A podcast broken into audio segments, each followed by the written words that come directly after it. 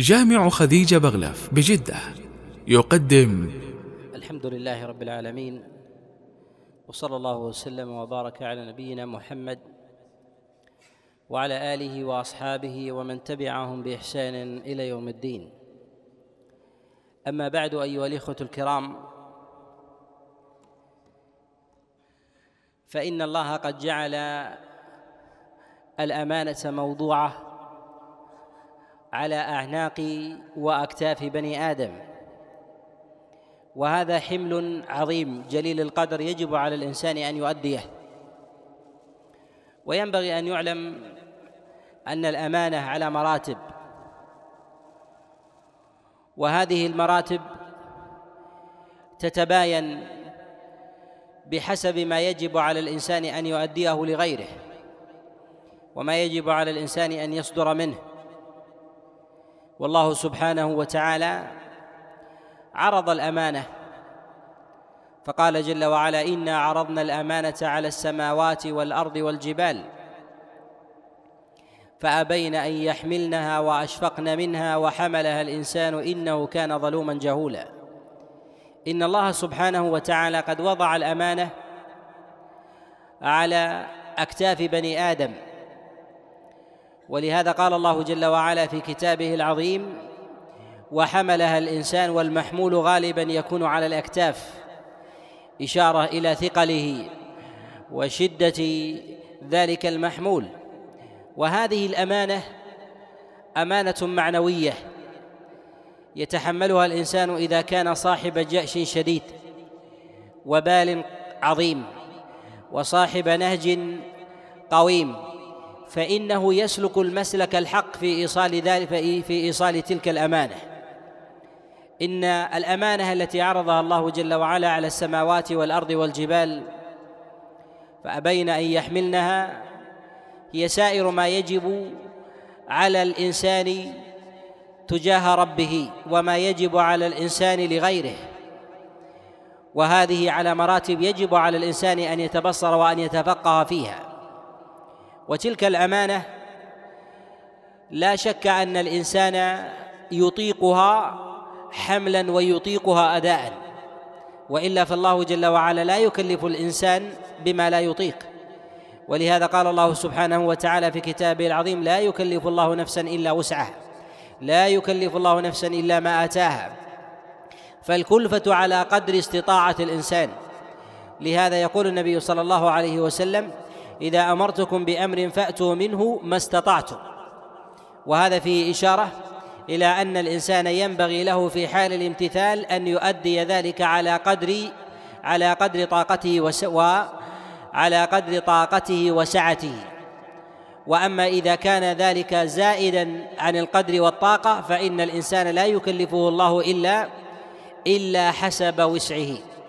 وأما بالنسبة للكلفة والمشقة التي يجدها الإنسان فهذا امرا طبيعيا لأن الله عز وجل خلق الإنسان في كبد والحياة الدنيا بحاجة إلى مكابدة وبحاجة إلى مجاهدة ومقاومة وهذا أمر معلوم لهذا أثبت الله الكلفة وأثبت الاستطاعة للإنسان وأن الحد أعني حد الكلفة ينتهي عند حد عدم الاستطاعة. لهذا قال الله جل وعلا لا يكلف الله نفسا إلا وسعها.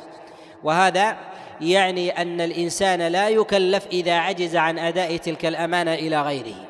وهذه الاستطاعة ليس ليس مردها إلى ذوق الإنسان وحسه وليس مردها أيضا إلى رغباته التي يشغل قلبه شيء منها. فإذا عمر الإنسان قلبه بشيء من لذائذ الدنيا من المال ونحو ذلك فإنه ربما فرط بالمصالح الأخرى مما يتعلق ببر الوالدين أو صلة الأرحام أو حق الجوار ونحو ذلك لأجل درهم أو دينار يطارده يمنة ويسرى لأن قلبه قد عمره عمره بحب بحب الدينار والدرهم.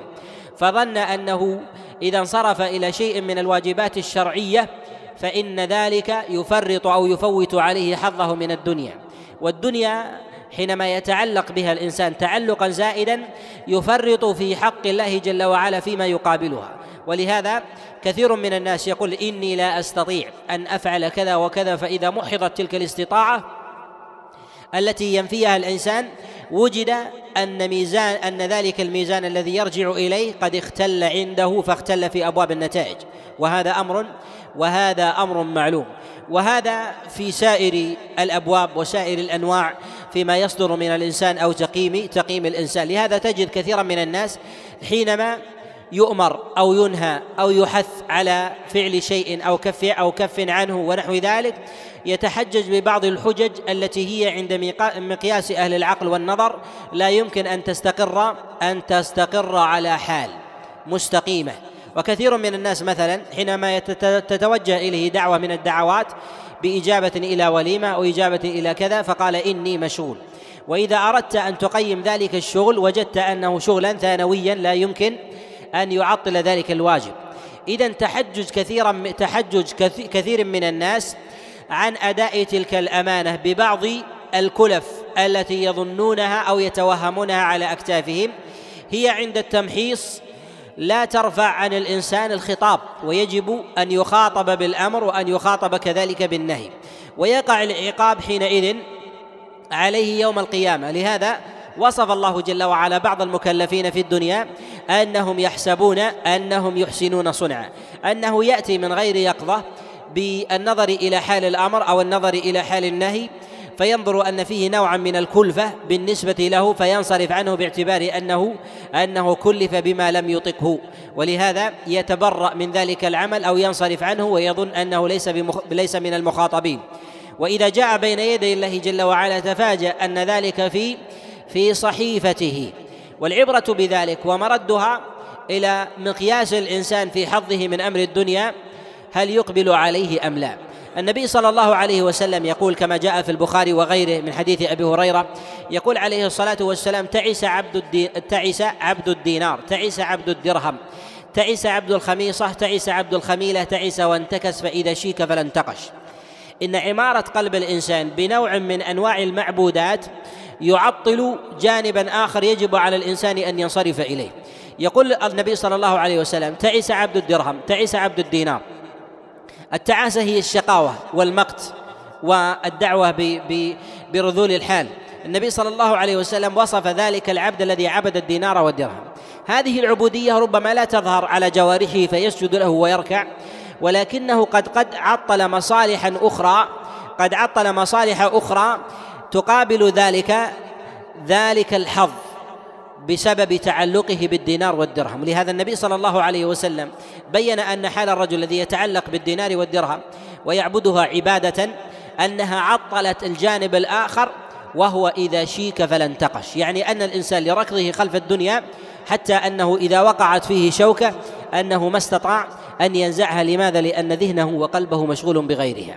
والنبي صلى الله عليه وسلم دعا عليه دعا عليه بالتعاسة وسماه عبدا. اذا العبودية التي ينبغي للإنسان أن يتجرد منها هي العبودية الباطنة والعبودية الظاهرة.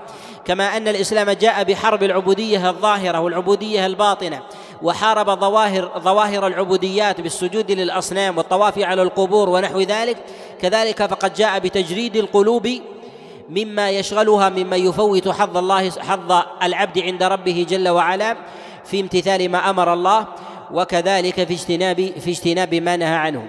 اذا عمارة القلب بشيء من حظوظ الدنيا تجعل الإنسان عبدا ومقياس ذلك أنه يفوت جانبا آخر فيفقد حينئذ الميزان وهو عند نفسه وهو عند نفسه يظن انه أنه على نهج قويم وعلى صراط مستقيم وهو أبعد ما يكون ما يكون عن ذلك. لهذا تباين الناس في فهم خطاب الشرع الذي وجهه الله جل وعلا إلى العباد من الثقلين من الإنس والجن.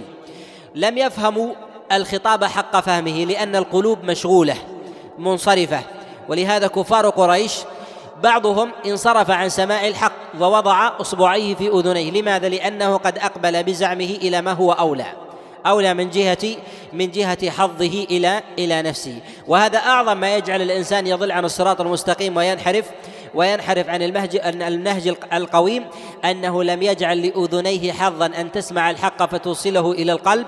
فإذا وصل إلى القلب فإن القلب لا يمكن أن يرد الحق بعد إذ وصل إليه سليما. لهذا أقام الله جل وعلا الحجة على العباد بمجرد السماع بمجرد سماع الحجة قامت الحجة. وأما فهمها فمرده فمرده إلى الإنسان. ولهذا الإنسان إذا وجه الخطاب إلى أحد من المخاطبين المكلفين سواء من أبنائه أو خدمه فإنه يكتفي بذلك إذا أصغى إليه أصغى إليه انتباهه. وسمع ذلك الخطاب فإنه ينزل عليه العقوبة في حال المخالفة.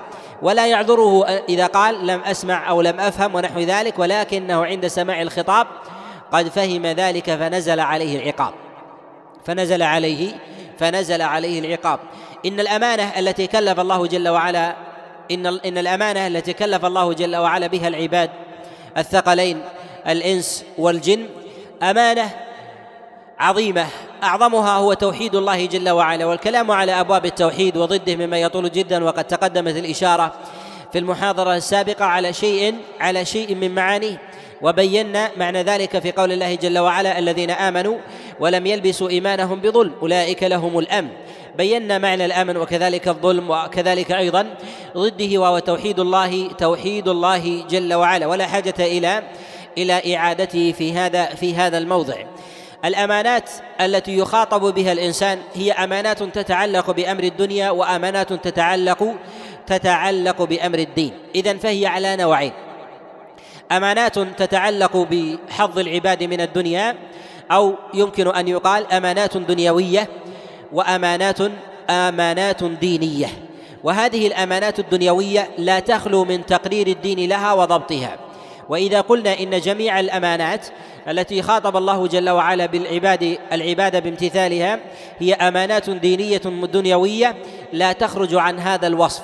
ولكن إذا أردنا أن نصف العبادات بأنها عبادات لازمة تعبدية للإنسان وصفنا أنها عبادات دينية وإذا أردنا أن جعلناها حظا من حظوظ العباد في أمر الدنيا ليستقيم فيها أمر معاشهم. وصفناها بانها بأنها امانات أمانات دنيوية. يجب على الناس يجب على الناس أن يقيموها كما أمر الله سبحانه وتعالى كما أمر الله جل وعلا أن تؤدى. إن أعظم الأمانات التي وجه الله جل وعلا الخطاب إليها هي الأمانات التي تستقيم بها تستقيم بها الدين والدنيا امتثالا لأمر الأنبياء. ويليها بعد ذلك مرتبة ما كان من أمر الدنيا محضا ما كان من أمر الدنيا محضا. لهذا الضروريات التي جاء الإسلام بحفظها ضرورة الدين تتصدرها. وتأتي بعد ذلك ضرورة العرض وضرورة العقل وضرورة النفس و وغيرها وضرورة المال. وهذه ضروريات خمسة جاءت الشريعة جاءت الشريعة بحفظها. فتقدمت الضرورة الأولى وهي ضرورة الدين على غيرها وقد يشترك مع أمر الدين جملة من أحكام الشريعة فإن الإسلام اختلف عن غيره من سائر الشرائع. فجاءت شريعة الإسلام لا رهبانية فيها ولا انقطاع للتعبد المحض ومن انقطع لتعبد المحض فقد خالف نهج محمد صلى الله عليه وسلم. لهذا رسول الله صلى الله عليه وسلم امتزج مع الناس بالبيع والشراء والمناكحة واللباس والتمتع من الدنيا عليه الصلاة والسلام. وهذا أمر معلوم والنصوص في ذلك أكثر وأشهر من ان من أن تذكر كتابا كتابا وسنة. فجاء اللا رهبانية بالإسلام والانقطاع إلى شيء من العبادات الظاهرة وترك الدنيا وراء الظهر. ولهذا رسول الله صلى الله عليه وسلم أمر أصحابه بأن بأن يؤدوا الأمانة إلى من ولاهم الله جل وعلا أمره ممن كان تحتهم. كما جاء عن رسول الله صلى الله عليه وسلم في قوله كلكم راع. وكلكم مسؤول عن رعيته. يعني ما من أحد ايا كانت مرتبته إلا ولديه حظ من الأمانة يجب عليه أن يؤديها. ليست أمانة ذاتية متعلقة بذاته وإنما أمانة متعلقة بغيره. وهذا أمر عظيم. لهذا ساوى رسول الله صلى الله عليه وسلم بين من يتحمل أمانة تتعلق بثلاثة أفراد بين من مع من يساوي مع من يتحمل أمانة تتعلق بآلاف أو ملايين الأفراد من الرؤساء والعظماء. لهذا جاء عن رسول الله صلى الله عليه وسلم قوله ما من رجل يلي أمر ثلاثة فما فوق إلا جاء يوم القيامة مغلولة يده إلى عنقه. فكه بره أو أبقه إثمه. يعني أن الإنسان في أمر الأمانة أنه يتحملها وحملها ثقيل ما تحمل أمر ثلاثة فما فوق ويجب عليه أن يؤديها. وإنما كان الأمر في يده أنها مغلولة. مغلولة يده إلى عنقه فكه بره أو أبقه إثمه. أي الأصل في ذلك هو الاحتياط والمحاسبة وليس الأصل في ذلك البراءة.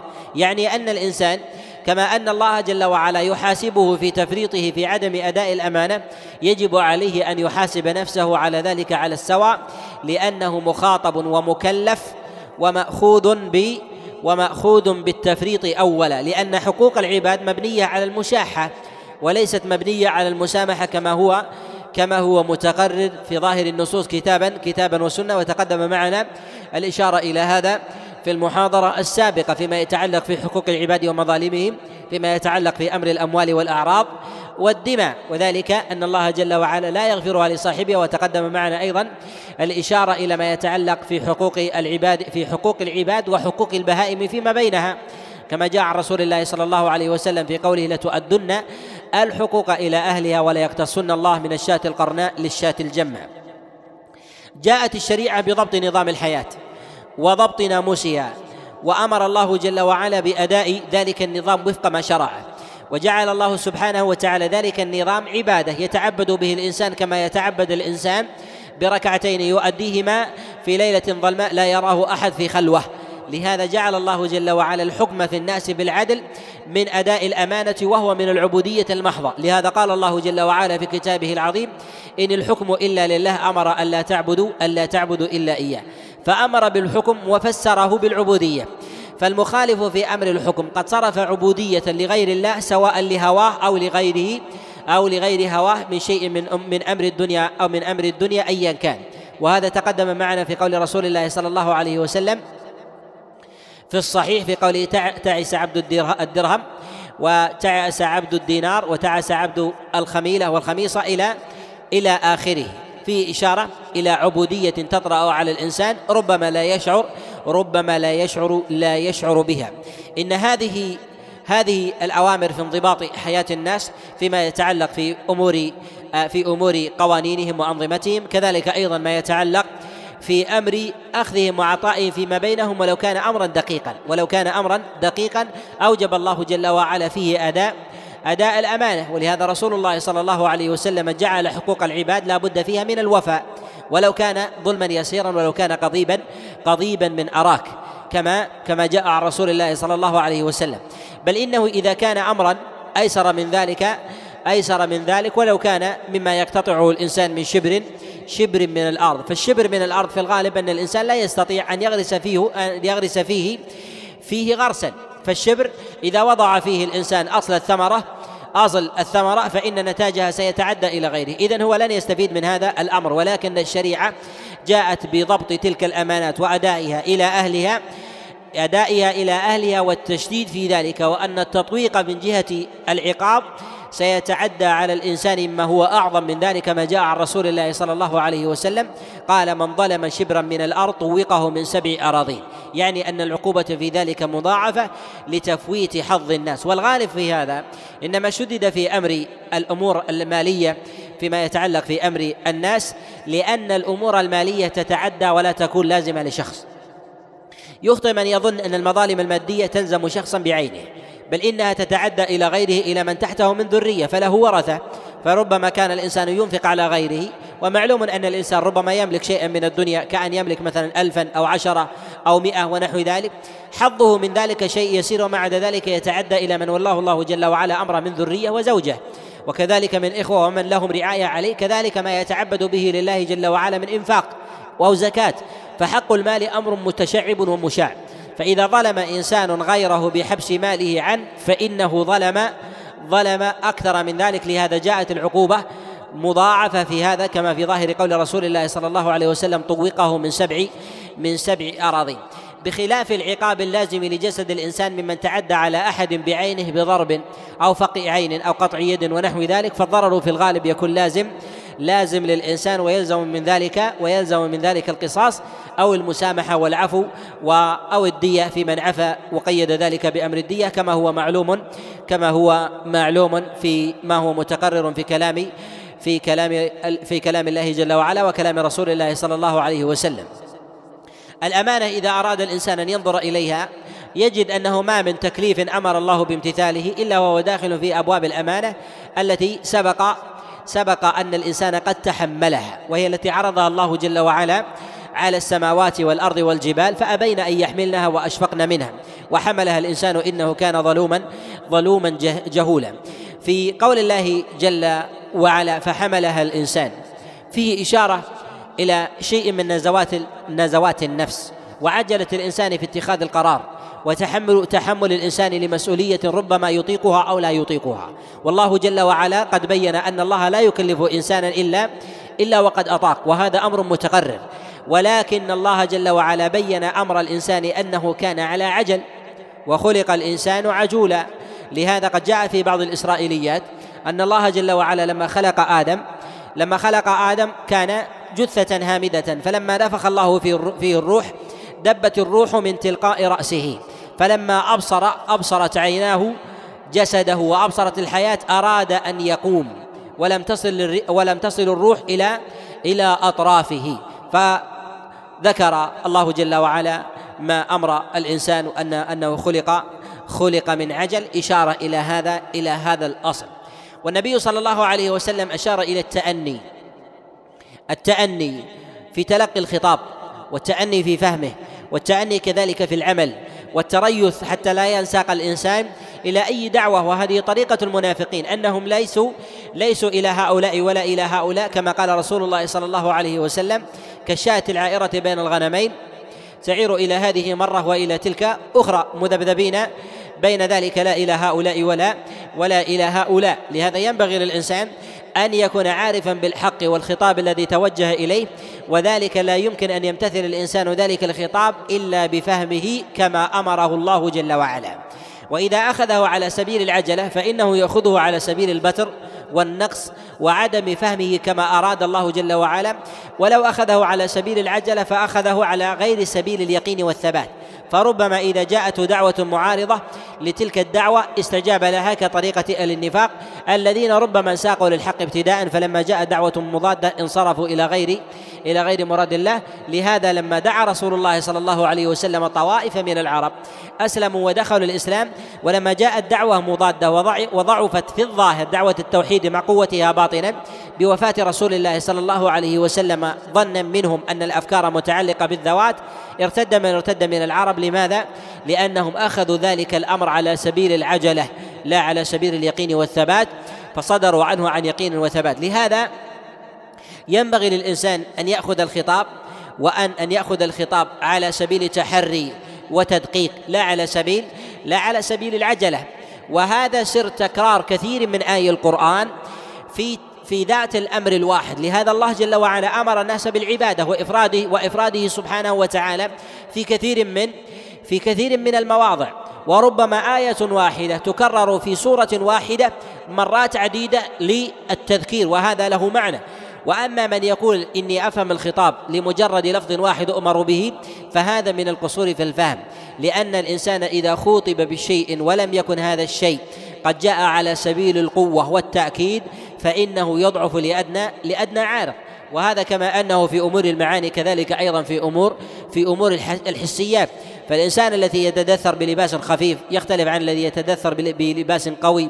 والذي يتدثر مثلا بلباس قوي يختلف عن الذي يتدثر بدروع وتروس وغير ذلك. وهذا أمر متباين. ولهذا أمر الله جل وعلا عباده أخذ الكتاب أخذ الكتاب بقوة. ومعنى أخذ القوة أن الإنسان يتشبث به لأنه ربما يطرأ له عارض وهذا ظاهر في قول رسول الله صلى الله عليه وسلم كما جاء في المسند وغيره قال عليه الصلاة والسلام في حديث العرباض بن سارية قال عليكم بسنتي وسنة الخلفاء الراشدين المهديين من بعدي تمسكوا بها وعضوا عليها بالنواجذ وإياكم ومحدثات الأمور. هذه أوامر متكررة كما تقدم معنا. أمر ثم أكده بالتمسك ثم أكده بالعض بالنواجذ إشارة إلى أنه ربما يطرأ على الإنسان من يخطف منه يخطف منه إيمانه كما يخطف من ذلك المال. وهذا أمر أمر معلوم. وهذا لا يمكن أن يتحقق للإنسان إلا بقبض الحق إليه قبضا شديدا كمن يقبض المال إليه قبضا شديدا. لهذا رسول الله صلى الله عليه وسلم أمر بقبض الحق والتمسك به. قال عليكم بسنتي وسنة الخلفاء الراشدين. من بعد تمسكوا بها. وهذا تمسك جاء بعد كلمة على تمسكوا بها وعضوا عليها بالنواجذ. التمسك يكون باليدين والعض يكون بالأضراس وهذا يعني أنه لا بد للإنسان أن من منازع. والإنسان حينما يرى إنسانا مثلا في الشارع ممسك مثلا بثيابه ونحو ذلك في طريق هذا إذا كان لم يجد يوجد في الطريق سارق سيوصف بماذا؟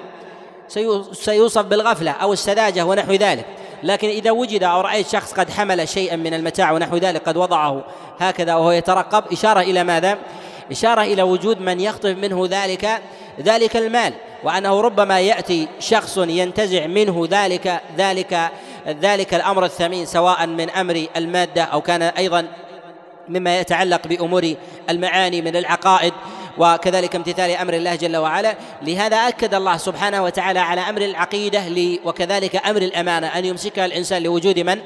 لوجود من يخالف في هذا الأمر. نرجع إلى مسألة الأمانة على ما تقدم تفصيلها أنها على النوعين. أمانات دنيوية وأمانات وأمانات دي أمانات دينية. الأمانات الدنيوية ينبغي اعتبارها لأن الشريعة جاءت بالميزان جاءت بالميزان التام الكامل في ضبط في ضبط الناس في دينهم ودنياهم.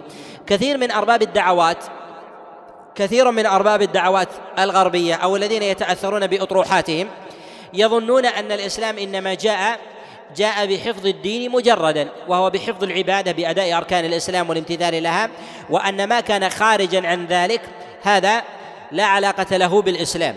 وهذا نوع تأثر مثلا بالاطروحات الدينية الغربية المبدلة بالذين تأثروا مثلا بالأحبار والرهبان أو بدعوات الكنيسة الأرثوذكسية أو الكاثوليك أو البروتستانت أو غيرهم الذين يجعلون الإسلام ينفصل الذين يجعلون دينهم ينفصل أمر دين وأمر دنيا وهما وهما منفكان عن بعضهما لا يتصل أحدهما لا يتصل أحدهما بالآخر وهذا وهذا مع كونه جناية على الشرائع السماوية على ما طرأ عليها من تبديل. قياس من أظهر من أظهر أنواع الفساد. قياس من أظهر أنواع الفساد. لهذا رسول الله صلى الله عليه وسلم حينما أمر غيره قال اتق الله حيثما كنت. اتق الله حيثما كنت. العبادة ليست مقيدة في المسجد وما قال اتق الله في المسجد أو اتق الله في العبادة وإنما قال اتق الله حيثما كنت. ثم أمره رسول الله صلى الله عليه وسلم بالمدافعة بين الحسنة والسيئة وأتبع السيئة الحسنة تمحها وخالق الناس بخلق حسن. وهذا فيه إشارة إلى أن تقوى الله جل وعلا من الإنسان يجب أن تكون مصاحبة له في كل في كل حال في ذهابه وإيابه قيامه وقعوده في قوله وفعله في حركاته وسكناته. ينبغي أن يمتثل أمر الله جل وعلا والا يخرج والا يخرج عنه. كذلك في إتباع الحسنة والسيئة إشارة إلى المداولة وأن الأمر يدول وأن الأمر في أمر اعمال الإنسان يدول ولا يتوقف حسنات وسيئات. فكلما وقع الإنسان بشيء من اللمم يجب عليه أن يعقب ذلك بشيء من الطاعات من استغفار من استغفار الله جل وعلا وكذلك التوبة والإتيان. من شيء من الطاعات التي يمحو الله جل وعلا بها الخطايا وهذا ظاهر في قول الله جل وعلا وأقم الصلاة طرفي النهار وزلفا من الليل إن الحسنات يذهبن السيئات.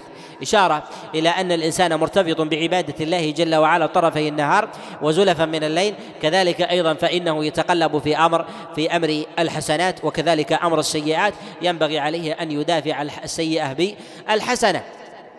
وهذا ظاهر أيضا في أن ذكر الله جل وعلا لا يتقيد بحال دون حال لهذا من أراد أن ينظر إلى تقييم الإسلام وشريعته فقد جاءت في ضبط كثير من الأمور حتى ما يتعلق بأمر اللباس والشراب وكذلك النكاح وكذلك ما يتعلق في أمر الأموال وقد جاء عن رسول الله صلى الله عليه وسلم كما في المسند والسنن من حديث عبد الله بن عمر قال النبي عليه الصلاة والسلام كل واشرب والبس وتصدق من غير سرف ولا مخيله في قول النبي عليه الصلاة والسلام كل والبس كل واشرب والبس وتصدق. ذكر الصدقة مع الشرب واللباس والأكل. والشرب واللباس والأكل. هذه من الأمور التي يأخذها الإنسان على أمر العادة. ولكن ذكر الله جل وعلا أمر الصدقة إشارة إلى أن خطاب الاقتصاد والقصد مشتمل لأمر الدنيا لضبط أمر الدنيا وضبط الدين. فلا تسرف حتى في أمر الصدقة فتدع من خلفك. عالة يتكففن الناس كما جاء في حديث سعد بن أبي وقاص في قول رسول الله صلى الله عليه وسلم قال إنك إن تدع ذريتك أغنياء خير من أن تدعهم. عاله يتكففون الناس. إشارة إلى ضبط موازين الدنيا وضبط موازين موازين الآخرة. وإنما نقسم ذلك على تقسيم النظر وإلا في الشريعة قد جاءت بضبط سائر الأمور. جاءت الشريعة بضبط أمر اللباس وضبط ما يتعلق بأمر النكاح على مقادير معلومة فيما يتعلق في أمر اقتصاد الناس في البيوع والشراء فيما يتعلق أيضا حتى في الأمور المباحة من الهدايا والعطايا والهبات وغير ذلك وما يتعلق أيضا في حال الإنسان في مزحه وذهابه ومشيته ونحو ذلك وآداب الطرقات وغير ذلك مما مما لا يخفى. إن الشريعة حينما جاءت بضبط أمر الدنيا إشارة إلى أن الشريعة تكفلت للعباد بوضع أسس الحياة بوضع أسس الحياة. وجاءت الشريعة بضبط أصول وفروع الدين فلا زيادة في ذلك ولا نقصان. أما أمر الدنيا فإنه موكول إلى من علمه وقد وضع الله جل وعلا حدودا في أمر الدنيا ألا يتجاوز الإنسان فيها أمر الله أمر الله جل وعلا. رسول الله صلى الله عليه وسلم أمر بالأخذ من أمر الدنيا على وجه القصد وضبط أمر الدنيا كما لا يخفى في الجوانب التي تقدمت الإشارة الإشارة إليها.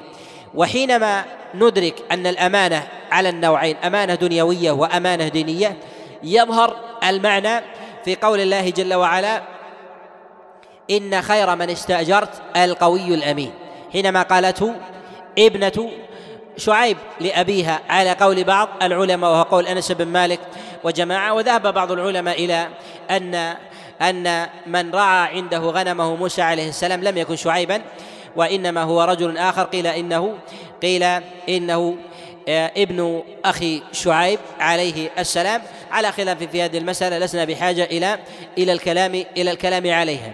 حينما ذكر الله جل وعلا هذا عن ابنته في قوله إن خير من استأجرت القوي الأمين أشار إلى إلى جانبين.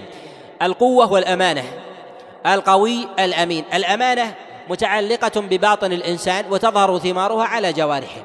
أما القوة فتظهر في بس في بدن الإنسان وجسده. إشارة إلى أهمية الجانبين جانب الدنيا وجانب أمر الدين في عمل الإنسان. وهذا فيه إشارة إلى أن الإنسان إذا أراد أن يولي أحدا أحد في شيء من الولايات العامة أو الخاصة ينبغي أن ينظر إلى جانبين.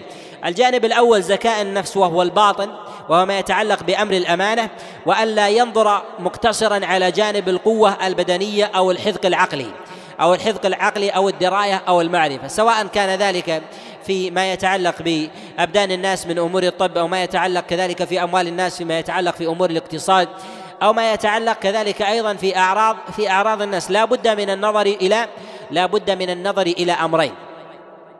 وابنته هنا حينما جاء موسى عليه السلام ورأت منه ما رأت قالت يا أبت استأجره. إن خير من استأجرت القوي الأمين. ذكرت العلة في أمر الاستئجار ولم ولم تقل استأجر وإنما ذكرت ضوابط ذلك وأنه لا بد من القوة. ولا بد من القوة والأمانة. وهو المسوق وهو المسوغ في أمر في أمر الإجارة. والإجارة هي نوع من العمل وكذلك الإنابة في أمر الأمانة التي ينبغي للإنسان أن يؤديها أن يؤديها كما كما اؤتمنها الإنسان من غير من غير تفريط تفريط في ذلك.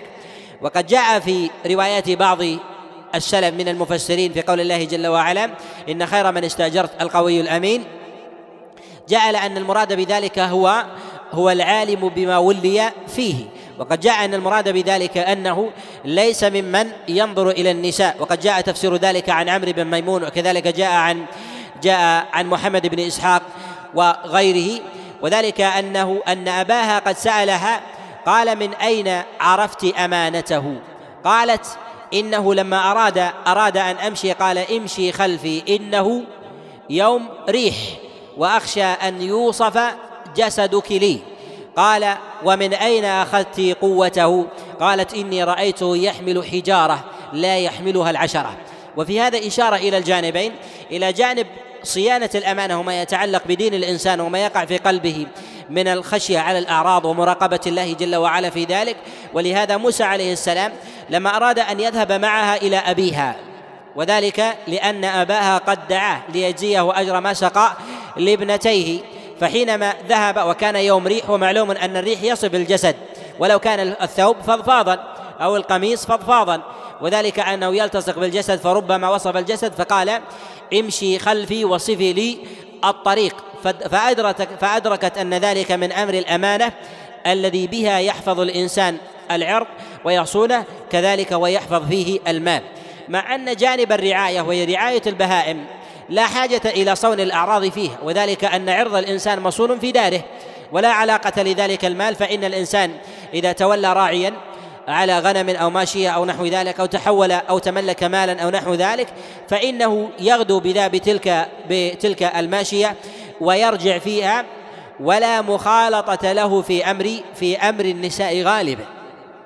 ولكن لما كان ذلك أمارة إلى غيره أن الإنسان إذا صان عرض غيره مع مع التمكين إليه فيما هو من أدق الأمور فإنه سيزهد ويتورع عما هو أبعد من ذلك واستعملت في ذلك واستعملت في ذلك القياس. لهذا وجب على أصحاب أصحاب الولايات العامة ويجب أيضا على من ملك رايا أو ملك نظاما في ذلك ألا ينظر إلى ما يسمى بخبرات الإنسان فيما يتعلق بإما بمعرفته الذاتية ما يتعلق بالبدانة والبسطة في الجسد أو ما يتعلق أيضا بمعرفة مثلا في الطب أو معرفته بالاقتصاد.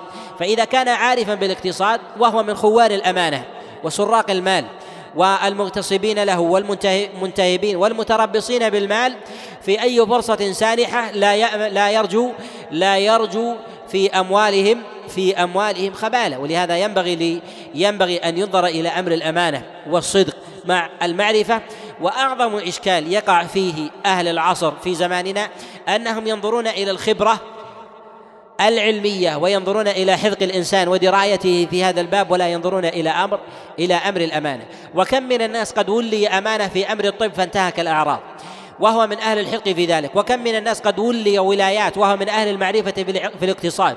وهو من أهل الحذق في هذا الأمر. وقد ظلم غيره والجاهل في ذلك خير منه. لو تخبط في أمر المال ولكن لما ظلم نفسه قد وقع قد وقع في إضاعة أموال الناس وإهدار ما يتعلق بأموالهم وحظوظهم وحظوظهم ولم يراعي الله جل وعلا فيما يتعلق فيما يتعلق بأموال بأموال المسلمين. فضلا عما يتعلق بأمر الأعراض وما يتعلق بأمر ضبط حياة الناس في السياسة العامة والقوانين وكذلك إخضاع كثير من إخضاع الناس ومن ولاه الله جل وعلا الأمر على حكم الله سبحانه وتعالى. مع أننا نجد مع أننا نجد أن كثيرا من الدول المنتسبة للإسلام يتولى كثير منهم الولايات فيما يتعلق في أمر في أمر الدنيا وهو من أهل الحذق ومن أهل الحذق والمعرفة المعرفة في هذا الأمر. وهذا وهذا نوع قصور لأن النظر في أمر الدنيا قد فرط فيه في أمر في أمر جانب جانب الدين. لهذا رسول الله صلى الله عليه وسلم حينما أراد أن يولي من يولي أو يذهب من أو يذهب من من أراد من أصحابه أو رسله إلى ملوك البلدان أو كذلك يوليهم عمالا على على من تحتهم من من من قبائلهم أو سوادهم ونحو ذلك لا يولي على ذلك إلا إلا الخيار وأصحاب العقل والديانة والنزاهة المقترن معهم من ذلك. من ذلك علما ومعرفة. كذلك أيضا ينبغي للإنسان الذي رزقه الله جل وعلا أمانة وصدقا أن يتوقف عن الإقدام إلى على شيء لا يحسن التصرف فيه مما يتعلق في أمر الطب أو ما يتعلق بأمر الاقتصاد. ولهذا رسول الله صلى الله عليه وسلم لما قدم المدينة لما قدم المدينة وأهل مكة قاطبة ليسوا بمعروفين بالزراعة وذلك لبيئتهم وليسوا بالمعروفين بالنخل. النبي صلى الله عليه وسلم لما جاء إلى المدينة ومر بهم وهم وهم يؤبرون النخل. النبي صلى الله عليه وسلم قالوا لو لم تصنعوا لخرج. يعني يظن هذا الأمر. وذلك أن الإنسان إذا أراد أن يستعمل القياس يستعمل القياس يجد أن النتيجة التي قالها النبي عليه الصلاة والسلام يجد أن النبي صلى الله عليه وسلم النتيجة التي قالها عليه الصلاة والسلام صحيحة. فتجد أن سائر الثمار لا تحتاج إلى تلقيح. فتجد مثلا الثمار مثلا من العنب والتين والزيتون وكذلك البرتقال وغيرها تجد أنها ثمار تخرج من الأرض تغرس ثم ثم تخرج. مسألة اللقاح لا تطرأ عليها. فيأتي بعض الثمار لا بد فيها من تلقيح وهذا خارج عن القاعدة القاعدة الأصلية. فيطرد الإنسان على بعض الأقيسة ونحو ذلك مجتهدا. النبي صلى الله عليه وسلم قال لأهل المدينة أنتم ادرى أو أعلم بامر بأمر دنياكم. مع أن النبي صلى الله عليه وسلم إذا قال أو فعل أو فعل معصوما عليه الصلاة والسلام. ولكن ما يتعلق من أمر ذلك ينبغي للإنسان أو صاحب الديانة مهما بلغ علما ومعرفة أن يكل أمر المعرفة إلى إلى من علمه. وإذا رأى صاحب معرفة قد قصر في معرفته في جانب الأمانة ينبغي أن يوجهه في أمر الأمانة وكذلك جانب جانب القصور حتى يكتمل في الأمة حتى يكتمل في الأمة الأمر. ونحن في هذه الأيام وفي ومقبلون على ما يسمى بالانتخابات البلدية.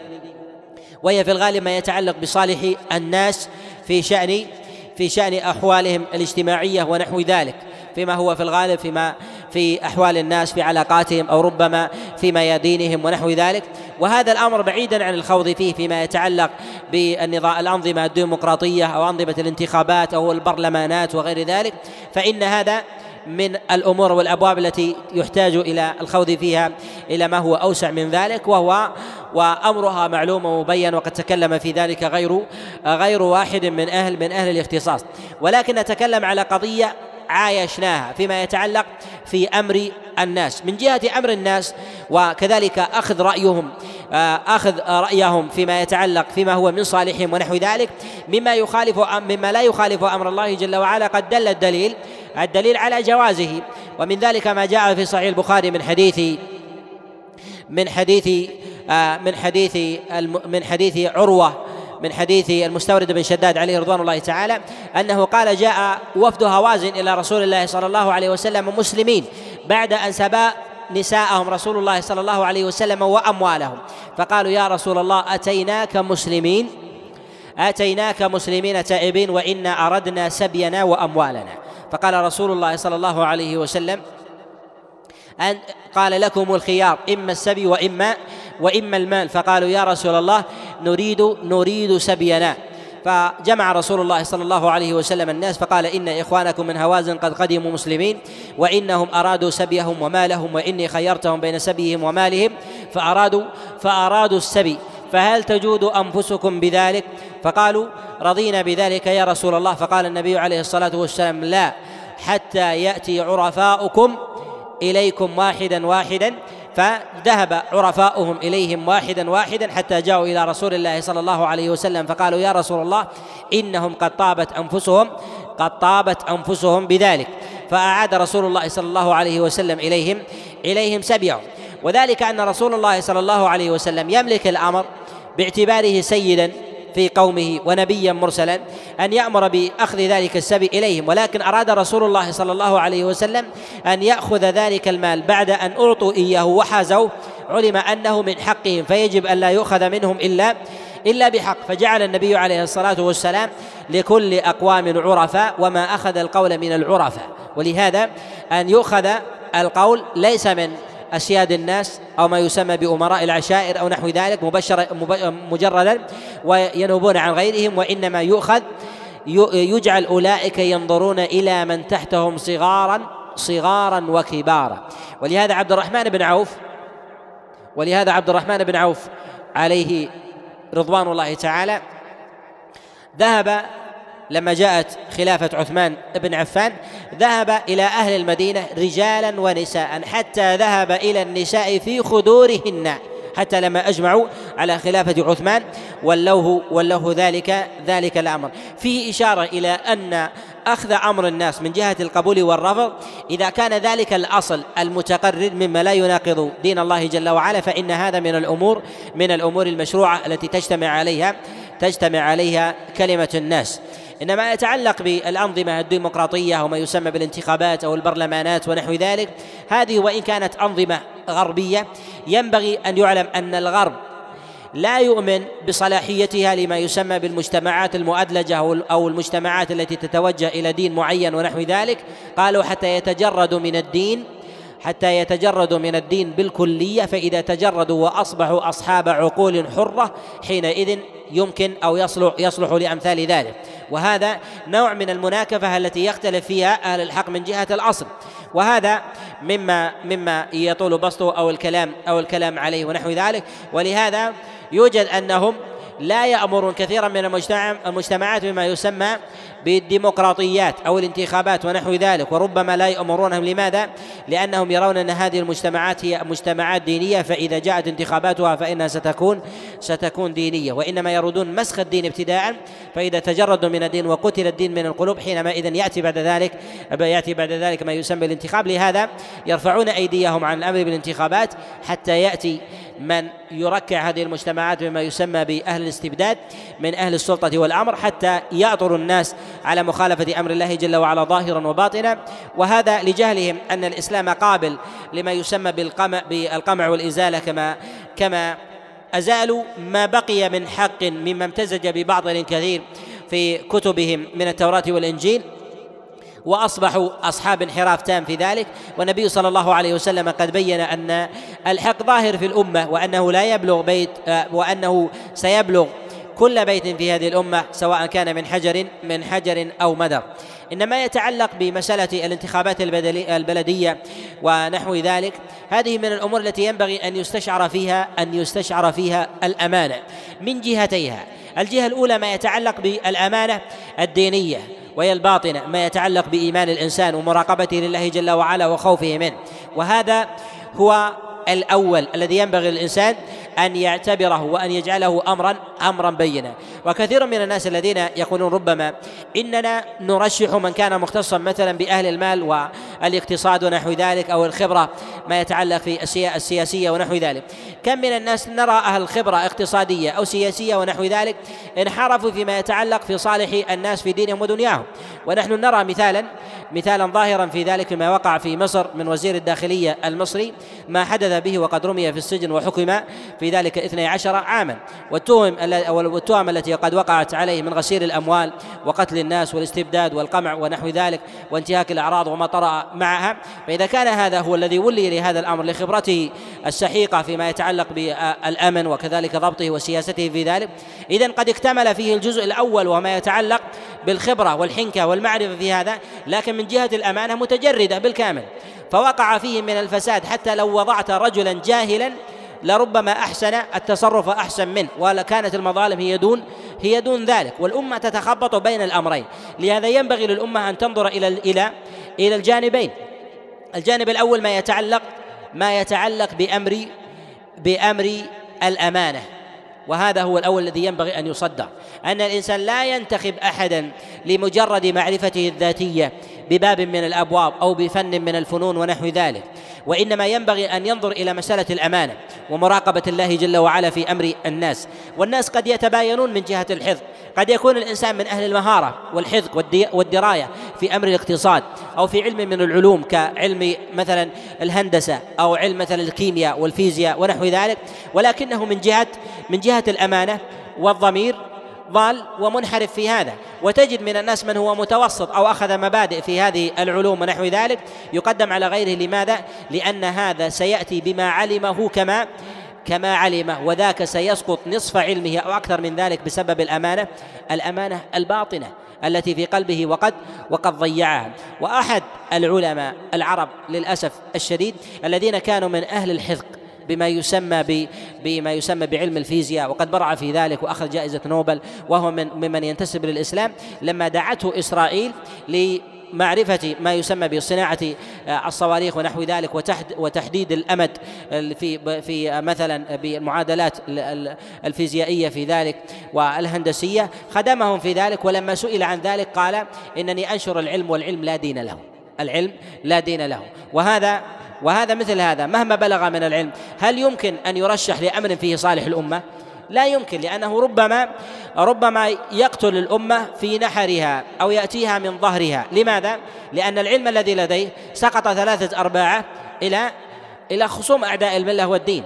ومن أراد أن يجعل أو يدعو مثلا الدعوة الحضارية ما يسمى أن يعيش المجتمعات أن تعيش المجتمعات بوئام وتآلف ونحو ذلك وأن يزول كل ما في المجتمعات من خلاف هذا يطلب هذا يطلب محالا فالبشرية ليست جديدة وعقول البشر ليست ليست جديدة. مضى على البشرية آلاف السنين والخلاف سنة كونية لا يمكن لا يمكن أن تزول. ولكن على الأمم أن تخفف من ذلك قدر إمكانها وسعها مع الدعوة إلى الحق.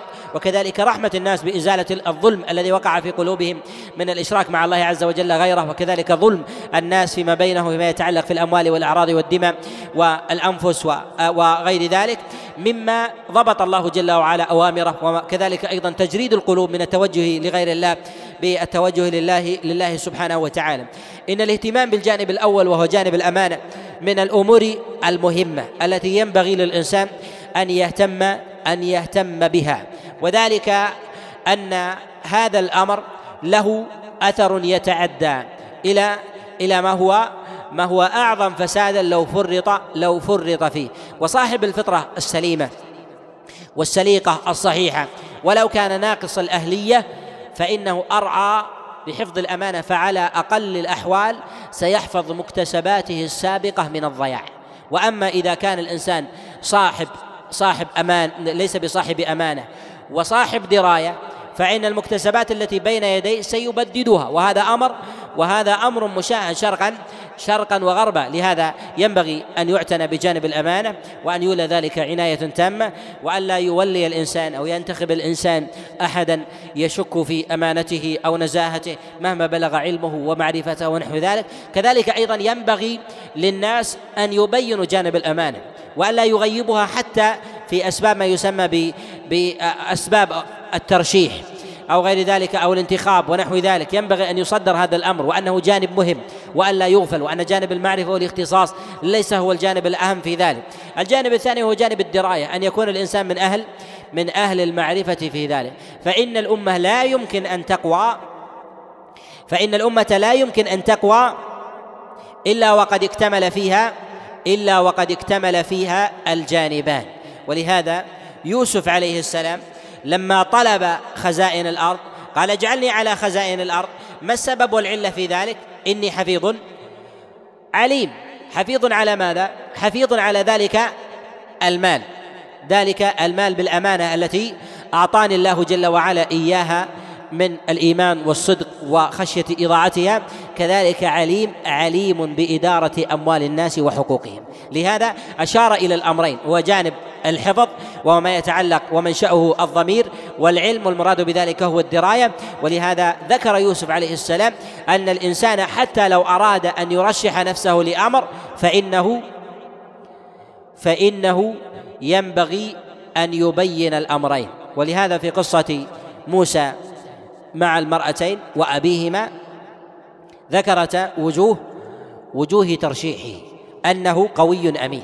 وأما أمر الترشح في ذلك وهو ما جاء في قصة يوسف عليه السلام إني حفيظ عليم أشار إلى الجانبين بنفسهما الذي جاء جاء في قصة موسى عليه السلام وهو لحفظ ما يتعلق في ضمير الإنسان وأمانته ومراقبته لأمر الله سبحانه وتعالى. والجانب الثاني ما يتعلق بالعلم والمعرفة. وهذا ما ينبغي أن ينظر إليه. لهذا يجب على المشرعين والذين يسنون أمثال هذه الأمور أن يحرصوا على توفر العلم والدراية والمعرفة فيما يترشح فيه الإنسان كذلك أن يحرصوا فيما يتعلق فيما يتعلق بالأمانة. وأن لا يترشح لذلك أحد من سواد الناس إلا وقد عرف بأمانته ونزاهته. وأن يرجع فيه إلى أمر نزاهته وأمانته إلى أهل المعرفة في ذلك. وأهل المعرفة في ذلك إما أن يكون إما أن يشهد له بأمر الصلاة وشهودها وإما أن يشهد له بصدق السريرة وحسن سلوكه في هذا الأمر. فإنه إذا كان من أهل ذلك ظهر للناس. ونحن في مجتمعات عريضة وكثر الناس و ويشق على الناس أن يتتبعوا الناس بأعيانهم فيعرفوا فيعرفوا الأمين من غيره. وأما أمر الشهادات أمر الشهادات العلمية ونحو ذلك فإن هذا الأمر يستطيع الإنسان أن يبرزه وأن يثبت معرفته في ذلك. لكن أمر النزاهة وأمر الأمانة والصدق في ذلك وخشية الله جل وعلا لا بد أن يبرز للناس. لماذا؟ حتى لا تتقع مصالح الناس مع حظوظ النفس وتتبدد كثير من الأوهام بجانب دون جانب أو ربما لحظوظ النفس الذاتية.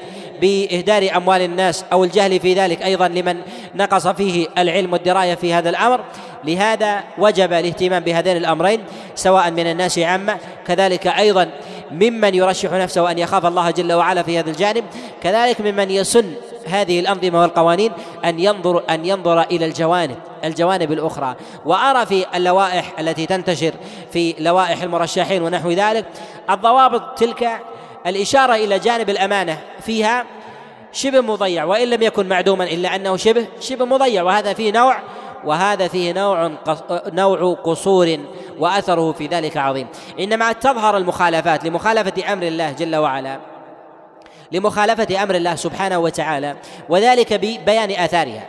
وآثار هذه الأمور تظهر على ما يتعلق في أمور الناس في في أموالهم كذلك ما يتعلق في أمر أعراضهم واعظم أمانة يمكن للإنسان أن يعرفها عن غيره ويقيس بها على غيره هو جانب جانب الاعراض ولهذا ابنة شعيب أو ابنة أخيه حينما قالت استأجره إن خير من استأجرت القوي الأمين ذكرت الأمانة وذلك لأنه قد جعلها خلفه وغض طرفه عنها. وقد جاء في ذلك عن غير المفسرين أنه قال أنها قالت لأبيها إن كوني خلفي إني لا أنظر إلى النساء. كوني خلفي إني لا أنظر إلى النساء. فجعلت ذلك مقياسا لجانب الأمانة. الذي يراقب الله جل وعلا في مثل هذا الجانب الذي يراقب الله سبحانه وتعالى في مثل هذا الجانب فإنه سيحفظ سيحفظ الجوانب الأخرى أيضا. وهذا لم يفوت الجانب الآخر وهو جانب جانب القوة.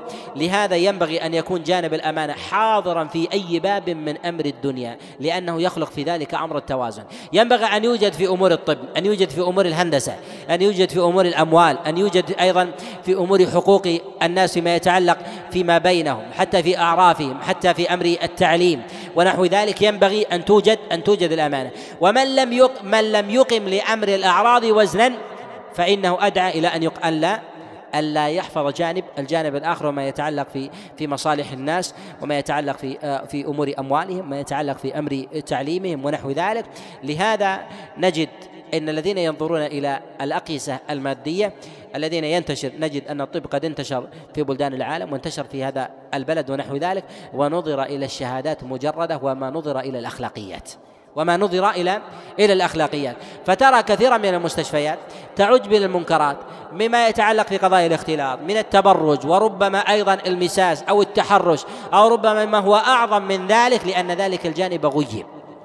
وكأنهم أرادوا سلامة الأبدان وأما سلامة الأعراض وسلامة وكذلك الأخلاق فإن هذا جانب مغيب. وهذا إبطال لشريعة الله سبحانه وتعالى التي شرعها لسائر الملل كما تقدم الإشارة إليه في شريعة يوسف شريعة موسى شريعة محمد عليه الصلاة والسلام. وهذه الشريعة أنه ينبغي أن يحضر في ذلك معرفة الدنيا والأمانة الأمانة الحاضرة في قلب الإنسان من مراقبة الله جل وعلا والخوف منه. أما النظر إلى جانب من الجوانب فإن هذا أعظم ما تهدر به الأمة. لهذا نجد كثيرا ممن يتولى مقاليد الأموال ويتولى مقاليد ما يتعلق بالطب أو يتعلق مثلا ما يتعلق بأمر السياسة أو ما يتعلق يتعلق بأمر الهندسة. ونحو ذلك كم من أموال المسلمين قد أهدرت التي لو دعي بها الغرب والشرق لاستجابوا إلى الإسلام. ونرى أيضا كم من أعراض المسلمين انتهكت بسبب أن يولى على أن يولى مثلا على تعليم الناس أن يتولى على تربيتهم أن يتولى على الطب أو يتولى على على مثلا ما يتعلق بعلاقاتهم الاجتماعية ما يتعلق أيضا على إعلامهم. كثير من غير من غير أصحاب الأمانة وإنما نظر إلى جانب التخصص أو نظر نظر إلى جانب الدراية ونحو ذلك وهذا من أعظم ما تختل به موازين ما تختل به موازين الحياة. وتضطرب به نواميس وشرائع الله جل وعلا في الأرض. ولهذا نرى هذا الاختلال في الغرب. انظروا إلى الغرب نظروا إلى جانب واحد وما يتعلق في أمر العلم والخبرة. ولهذا تجد أن حياتهم يعيشون في ذلك كأنهم كحال البهائم. لا يقيمون لعرض وزنا أباحوا الزنا أباحوا الشذوذ أباحوا اللواط أباحوا التعري ونحو ذلك ما وصلوا إلى النتائج. النتيجة أن نصل إليها على أي وجه على أي وجه كان وأصبح أصبحت جوانب الغيرة جوانب حرمات الله جل وعلا معدومة لديهم لأنهم غيبوا ذلك الشق وهو شق الأمانة وفرطوا وفرطوا فيما أمرهم الله سبحانه وتعالى به. الانتخابات من جهة الأصل هي كمبدأ واحد ومبدأ مبدأ واحد. والديمقراطية تتقاطع مع الليبرالية من وجه ولكن وذلك أن الليبرالية تسعى إلى إلغاء ما يسمى بإكراه الإنسان على شيء. إكراه الإنسان لإكراه الإنسان على شيء.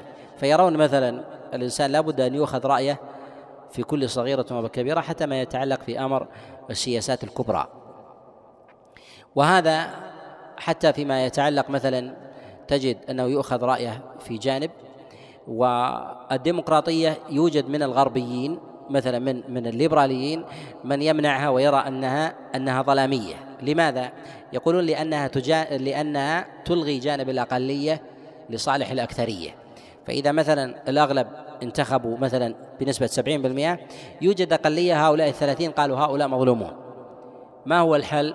الحل في ذلك، هم يؤمنون يوجد يوجد ظلم، قد تكون نسبة الظلم مثلا كبيرة كأن يوجد مثل الغلبة وخمسين بالمئة إذا تسعة وأربعون من أهل من أهل الظلم على على مقياسه الديمقراطيات والبرلمانات يقولون لا بد أن نخرج بضبط سياسة الناس وأحوالهم ما دام أن رجعنا ذلك إلى العقل عقل الإنسان وعقل الإنسان يتباين.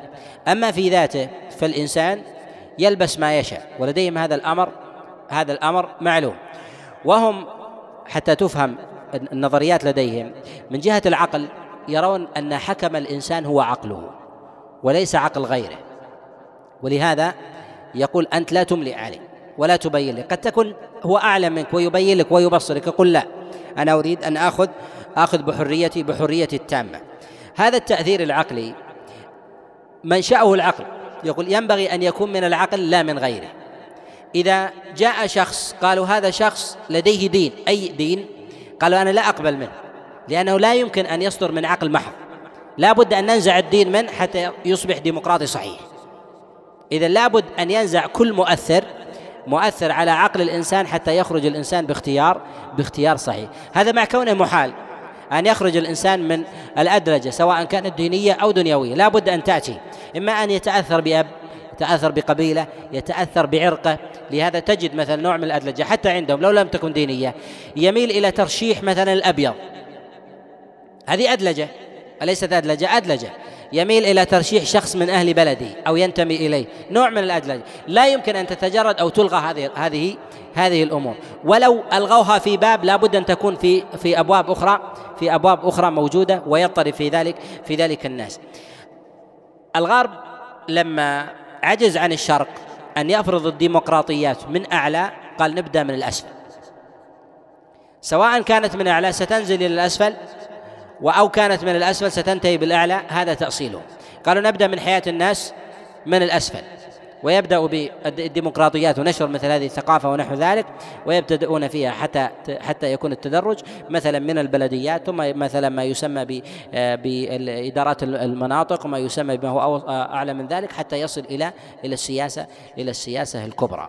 وهذا أمر ينبغي أن يدرك. أن الليبرالية بدأت من أسفل لابد أن تصل إلى أعلى. أو بدأت من أعلى لازم تصل تصل إلى أسفل. إذا هذا هذا هذا هو هو المنتهى.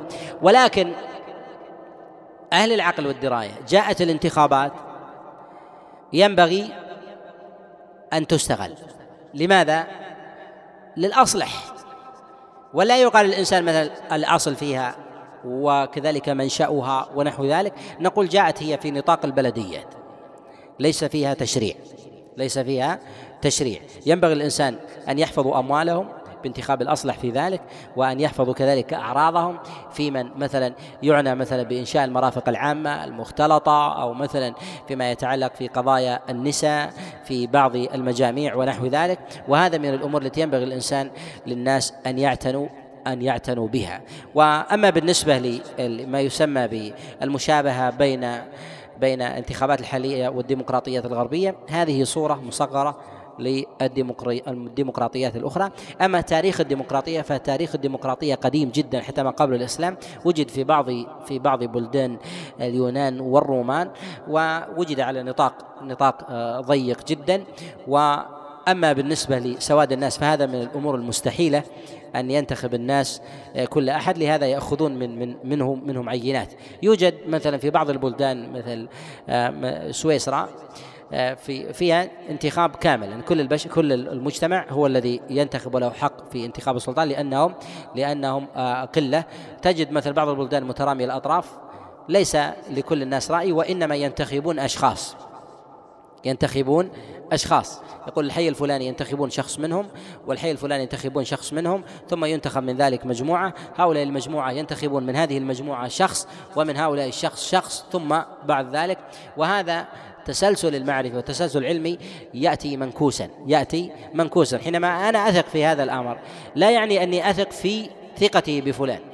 وحينما يثق فلان بفلان تتسلسل هذه الثقة حتى تنتهي وتتلاشى. لهذا الخطأ وارد في هذا الأمر وهم يدركون هذا الأمر ولكن هو نوع من التخبطات في الخروج من التقعيد والتعصيل الليبرالي. يقول أن الأفراد حينما حكمنا أن العقل هو الذي يسير الإنسان ما الذي يسير الدولة؟ قالوا سير الدولة هو عقل الإنسان. كيف نقسم عقل الإنسان بحيث يختار؟ قالوا الأغلبية. قالوا الأغلبية فيها 30 و40% لا يريدون إذا هم مقهورون ومكبوتون. إذا رجعنا إلى الأصل. في الغالب أن أحوال الناس راضون على أحوالهم إلا 30 أو 40% إذا سواء كان على النظام الديمقراطي أو غير الديمقراطي يوجد جماعة من الناس بنسبة 20 أو 30 أو 40 أو 49 لا يريدون هذا لا يريدون هذا الأمر. أسأل الله جل وعلا أن يوفقني وإياكم على مرضاته وأن يأخذ بيدي وأيديكم إلى هداه وأن يسلك بنا صراطا مستقيما ومنهجا قويما إنه ولي ذلك والقادر عليه وصلى الله وسلم وبارك على نبينا محمد. نستودعكم الله على أن نلتقي بكم قريبا وتقبلوا تحيات إخوانكم من جامع خديجة بغلف بجدة. حي النسيم